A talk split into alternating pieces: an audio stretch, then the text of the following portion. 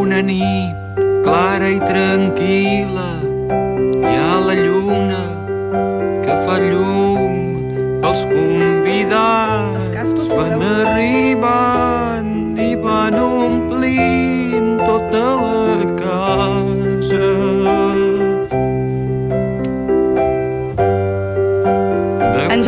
Sisa, que ja sabíem que era galàctic, però gràcies al llibre del comptador d'estrelles que ha escrit Donat Puig, hem sabut moltes coses més. Aquest llibre és el resultat de les converses d'un any entre el cantautor i el periodista.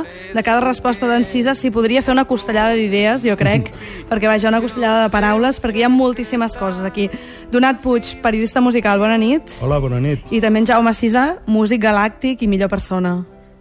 Bueno, lo de millor persona ja ho veurem. No ho sabem, no ho sabem, perquè en el, en el llibre deixes anar a molta teca, eh? Ens expliques que ets un tio solitari, que no t'agrada gaire la gent, que fotries bombes pels puestos, coses així molt fortes, eh? O sigui, que després no et podem dir que ets bona persona, perquè No. tu vas de tio dolent. Jo em quedo curt. Qui va enganyar qui a l'hora d'escriure el llibre? Uh, el vaig enganyar jo. Sí. Sí, però ell es va deixar enganyar bé, eh? Sí. També, sí. Perquè a mi m'han dit que, que a tu t'agrada parlar, també. És a dir, t'agrada cantar, t'agrada fer cançons, però també gaudeixes molt de, de parlar, i en aquest llibre es demostra una miqueta, no? I tant. Bueno, el Cis és un gran conversador. I ara que no en sent el Cisa, que està aquí com a la seva galàxia, eh? Uh, què és el que més t'agrada donat d'en Cisa? Les lletres, la veu, la música, ell com a persona, És que va tot junt. el A seu mi, gust musical... a mi m'agrada aquest, eh, aquest univers galàctic que, que l'acompanya, no? Mhm. O sigui, el Cis és una creació amb ell mateix, i és la música, són les lletres, són les encarnacions artístiques que ha tingut, i també és la persona, que és una persona excel·lent, sempre i quan no posi bombes, clar. Exacte. En les teves primeres respostes del llibre dius, per exemple, que als teus 65 estàs en les millors condicions per conquerir la joventut. Això com ens ho hem d'aprendre, els que som una mica més joves? Bueno, és que els que sou més joves encara us falta molt per arribar aquí. A la joventut, no? Sí, encara heu de patir molt. I la vida és el que s'escapa mentre ho vols aconseguir o no, la joventut, dic? La joventut és allò del divino tesoro, una miqueta? Bueno, això és una frase, bueno, un, un vers, és, és literatura, diguéssim. Uh -huh. La realitat és que la joventut és el que un vol ser quan ja no és jove. I dius que ara que et fas gran ho trobes tot més estrany, que ser adult no té cap interès. Uh, què vol dir que ho trobes tot més estrany? Que abans entenies molt més bé la vida i ara resulta que tot fa una mica de coca? És per, perquè Barcelona ja no és el que era o per què? No, no, jo mai he entès res. Ah, d'acord. No. Des de petit mai he entès res. Quan d'adolescent se'm va fer una pilota al coco i ja la confusió va ser més gran encara. De jove vaig passar durant molts anys eh, fent veure que començava a entendre alguna cosa. Uh -huh. Però ja un cop entrat a la maduresa i ara ja, diguéssim, de cara a la tercera edat, doncs ja definitivament haig de reconèixer que continuo sense entendre res. Però això dona tranquil·litat, dona serenitat d'esperit o és, no ho vols entendre perquè es viu millor o com això? No, he fet algun petit esforç per entendre-ho. He llegit algun llibre, fins i tot. Sí? Sí. Ets un agosarat. Mm, sí, sí. Va Però fa, va fa temps, eh? Sí, sí, sí. Home, de fet, hem llegit que vas comprar molts llibres. Vas anar a França i vas entrar un dia i vas comprar un munt de llibres. És una cosa que explica com a anècdota, que a mi em va impressionar, no? Allò de dir, m'he de comprar tots els llibres per entendre el món. No sé si en aquell moment els volies entendre, però et vas comprar els beatniks, vaja, tot, tota aquella Tot. gent que, que, que creies que havies de llegir, Breton, etc. sí, no? sí, sí. Kierkegaard, tot. Tot, existencialisme. Diu que, dius que no vas entendre res de l'existencialisme. M'ho vaig llegir tot. Però no vas entendre Res. En aquest llibre també hi ha anècdotes molt familiars que suposo que no sé si han costat una mica donat puig de, de rascar-les o han sortit de manera natural, com per exemple que en Joan Manel Serrat era el teu veí, que pràcticament vivíeu davant per davant, i, i que eh, ta mare et deia moltes vegades per què no cantes com el Juanito? Eh? Que, que fes cançons d'amor, que els entenguin, que jo les pugui entendre. Exacte. La meva mare em deia, per què no fas el Juanito? Que, que, que Li parla... deien Juanito en aquella època. Sí, el, el carrer era el Juanito. D'acord. I, I llavors deia, per què no fas cançons com el Juanito, que, que s'entenen, mira, que li canta la tieta, el drapaire, eh, l'avi... I tu parlant aquí dels núvols i del cel, que això no, no, no, jo, no, jo no sé què vols dir.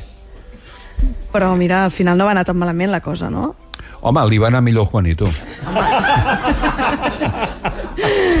Però és que, clar, ara, fins i tot després d'això que has dit, ara em sap greu, perquè ara, ara t'he de treure com coses lletges, no? Com, per exemple, que vas suspendre l'examen per entrar al grup de folk. Em sembla fortíssim d'entrada que fessin un examen per a un grup de malanuts. Perdona, eh?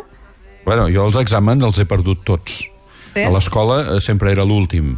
Després, quan vaig començar a cantar, eh, encara amb el franquisme, un s'havia de treure el carnet de Circo, Folklore i Variedades per poder actuar. I jo em vaig presentar dos vegades i em van suspendre. I la tercera, que no em vaig presentar, però la meva mare va trucar un conegut que tenia que, mm, per, perquè m'enxufés, resulta que sense presentar-me, llavors em van aprovar. I el del grup de folk em vaig presentar i no em van aprovar. I després, sense presentar-me, llavors em van aprovar. O sigui que els exàmens ja sabeu. Lo millor és no presentar-se perquè t'aprovin. Però escolta'm, per què? Perquè eren massa snobs o per què? Tu creus que no, no, no em va voler? Tu no eres dels guais, no eres del barri dels guais, perquè tu venies de Poble Sec, d'una família treballadora, ton pare era comercial, de ferreteria, la teva mare treballava a casa, i clar, estaves entrant al grup de folk on hi havia el Riba i tota aquesta colla pessigolla, que tenien pares poetes, gent molt important que tenien llibres a casa, no? I què Sí. passa? Que, mm, que a ells eh, els semblava que no eres de la seva mm, corda, per dir-ho d'alguna manera, o què? no? el Pau Ribarrai i, i, la, i el Jordi Batista, aquests em van recolzar. Van ser els que van aconseguir que m'aprovessin després d'haver-me suspès. Els que em van suspendre són, eren els comunistes. Que fort, com és Sí. la gent. Sí, sí. Però tu dius, per exemple, que tu eres un músic iaier, per exemple, i que tu fas, vas fer música o començaves a fer música per lligar-te a les xiques, no? Que en No, realitat era sí. per conèixer dones. Ah, naturalment, eh, sense pagar, si pot ser. Però, però en canvi, eh, i tots aquests altres músics potser tenien un altre tarannà, aspiraven a coses més grans, potser. Sí, perquè haver nascut de- de cuna noble, que diguéssim de bressol ric, potser et fa que tinguis altres expectatives a la vida. No sé si...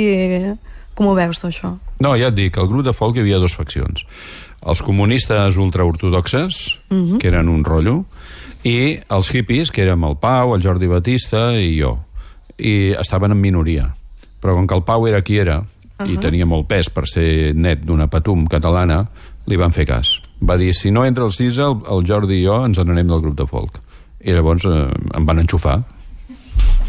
No sé, tu, Donat Puig, com a crític, també, com, com, ho, com ho has viscut? Perquè, a més, en, en Cisa ha fet moltíssimes coses. Ha fet rock, ha fet música contemporània, és a dir, alternativa, vaja, ho, ho ha tocat tot, folk, vaja... boleros. milió- Boleros. Tant. Aquest home, tot, o sigui, Sí, totes sí. les...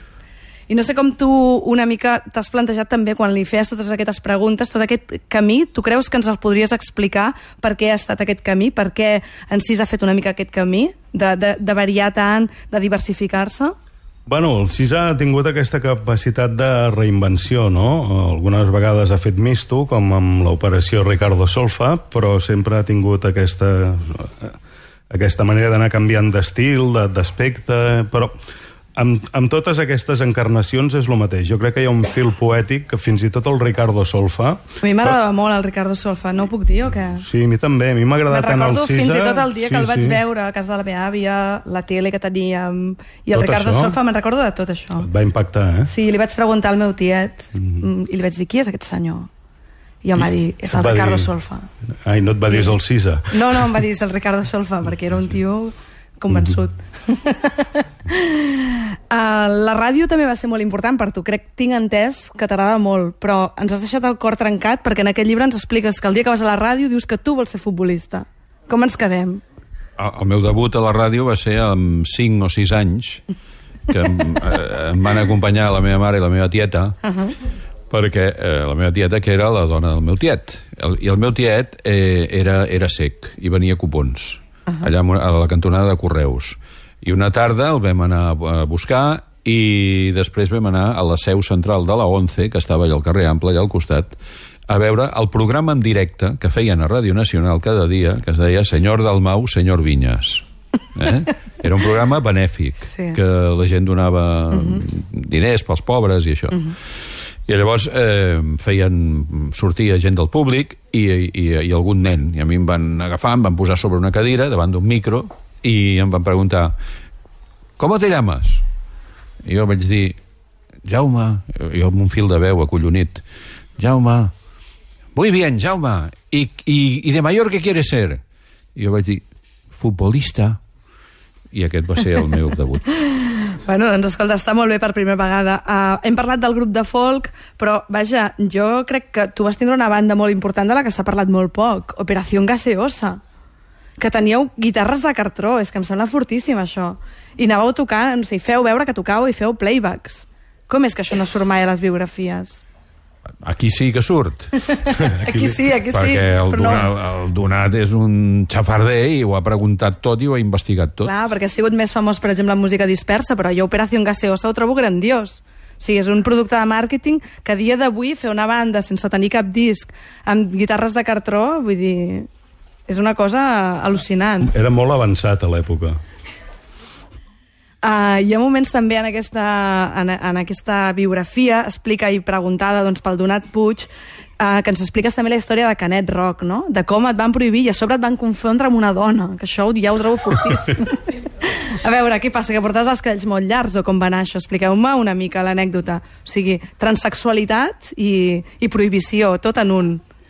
Veu que quan havia de començar el Canet Rock 75, com una hora abans encara no havia arribat el, el permís, va arribar el permís última hora, quan ja hi havia tots els milers de persones allà, i deia, bueno, se autoriza para que canten todos estos artistas con la excepción de la cantante Lisa. que era aquest senyor d'aquí. La cantante Lisa. Sí. I, eh, I al final però vas acabar cantant i va ser un moment molt emocionant. No, no va cantar, no, No no. vas cantar? No. Pensava que sí. No, que no, t'havies no, escapat allà en l'últim moment. No, no, no, no, vaja, llavors eh, els organitzadors vam dir què fem? Uh -huh. I llavors el Rafael Moll va sortir a l'escenari, va dir, eh, "Xt, tios, eh, tranquils tots, no passa res, no fem barullo, no muntem el pollo, uh -huh. però el Cisa no pot actuar. La gent ho va entendre i llavors van posar el disco. Eres massa bo. Mm, no calia dir, no calia explicar les coses, s'entenien. Eh? Uh. -huh. Canet era un recinte amb no sé quants mils, de 15 o 20.000 persones, uh -huh. rodejats per 500 guàrdies civils armats. Ja, no calia fer bromes. No, valia, no, no es podien fer bromes allà. Uh -huh. I el Mollo ho va explicar molt bé, i llavors van posar el disco i van posar un foco a l'escenari sobre el micròfon solitari uh -huh. i la gent va encendre eh, matxeros i tothom va plorar i vam ser molt feliços. Perquè va Gràcies a Franco. Perquè va sonar qualsevol nit pot sortir el sol, no? Sí, I de sobte sí, sí, tu sí. estaves allà Sí, sí. amb un disc sonant d'aquella manera. Sí, sí. Uh, parlem de música, ja que tenim aquí també un crític uh, molt bo, que ens agrada molt a casa. Ai. Uh, doncs Dylan. Dylan és un abans i un després, Bob Dylan, per tu. O sigui, t'agrada moltíssim. Uh, en què creus que l'has emulat? O també Donat Puig, en què creus que, que, que Sisa té alguna cosa de Dylan, també? Jo crec que és la seva gran, gran font d'inspiració, sobretot el, el primer Dylan, perquè hi ha un moment que el Jaume una mica diu desconnectar de l'obra de Dylan, tot i que aquest últim disc t'ha agradat molt, no, Jaume? Sí, a mi l'últim que ha fet m'agrada molt. No El, el de portaves- les cançons de Frank Sinatra, Sí, vols dir? Però portaves sí. uns anys desenganxat de Sí, Dylan. eh? sí, sí, sí, sí. Però per què? Perquè s'havia fet catòlic i tu no tens ni Déu ni amo. No, perquè, en fi, jo l'he seguit sempre, però aquests últims anys eh, potser no, no, no, no tant, no? Però amb aquest últim disco m'he tornat a, a fer amic i fan i, i, i, i, bueno, i adorador de Bob Dylan. Per mi és Déu. I aquest últim disco és fantàstic perquè eh, jo vaig sentir el, eh, quan vaig sentir el primer jo tenia no sé, 18 o 20 anys i em vaig quedar xocat i em va canviar la vida i aquest últim també m'ha canviat la vida és un disco in- increïble increïble d'aix- d'això es diu de poques coses, perquè a més tu ets una persona que sempre defenses la, el teu escepticisme. Vull dir que, que perquè ens digues això és droga major, aquesta, eh? és definitiva, sí De fet, en el llibre també hi ha una classificació de drogues, apunteu-vos-la si encara no heu aprovat l'examen de final de carrera, perquè són, hi ha les drogues psicològiques, que hi ha el matrimoni, el futbol, tot això, Sí. les drogues aquestes que diuen que no s'han de prendre, l'alcohol, el tabac, l'heroïna, no? Eh, aquestes són les menors Exacte, i després hi ha les majors, que hi ha la poesia, Dylan, i no sé si hi ha alguna cosa més. bueno, el silenci, la soledat, el pensament el buit L'amor, no? No, No. l'amor ni, ni tan... Bueno, l'amor podria ser una droga, un sucedani. És un sucedani, no és ni una droga, és un sucedani. Part de la matèria, o sigui, és, com és allò el surimi, aquella cosa congelada que venen a... aquella cosa, aquells palets de cranc. Es fa- Exacte, sí, és com una amanida de cranc. Un tsunami d'aquells, no? Un tsunami, un surimi, no sé com es diu. Doncs visquen els tsunamis de- d'amor de, de, de Jaume VI i Donat Puig. Compreu-vos el Comptador d'Estrelles, un gran llibre perquè no només veus com ha canviat el món de la música, sinó com ha canviat Barcelona i també, vaja, explicat per la veu d'aquest home i amb bones preguntes del Donat. Doncs moltíssimes gràcies a tots dos. Gràcies a tu. Merci, Gràcies, per favor, gràcies. no marxeu sense veure vi, eh, de la vinyeta. Molt bé, és ara obligatori. Gràcies. Continuem a icat.cat, esteu sentint el cabaret elèctric des de la Laie, des de la llibreria Laie, i aquí tenim gent simpàtica que aplaudeix i que estan contents perquè després s'enduran una bossa per Sant Jordi, que no és bonic.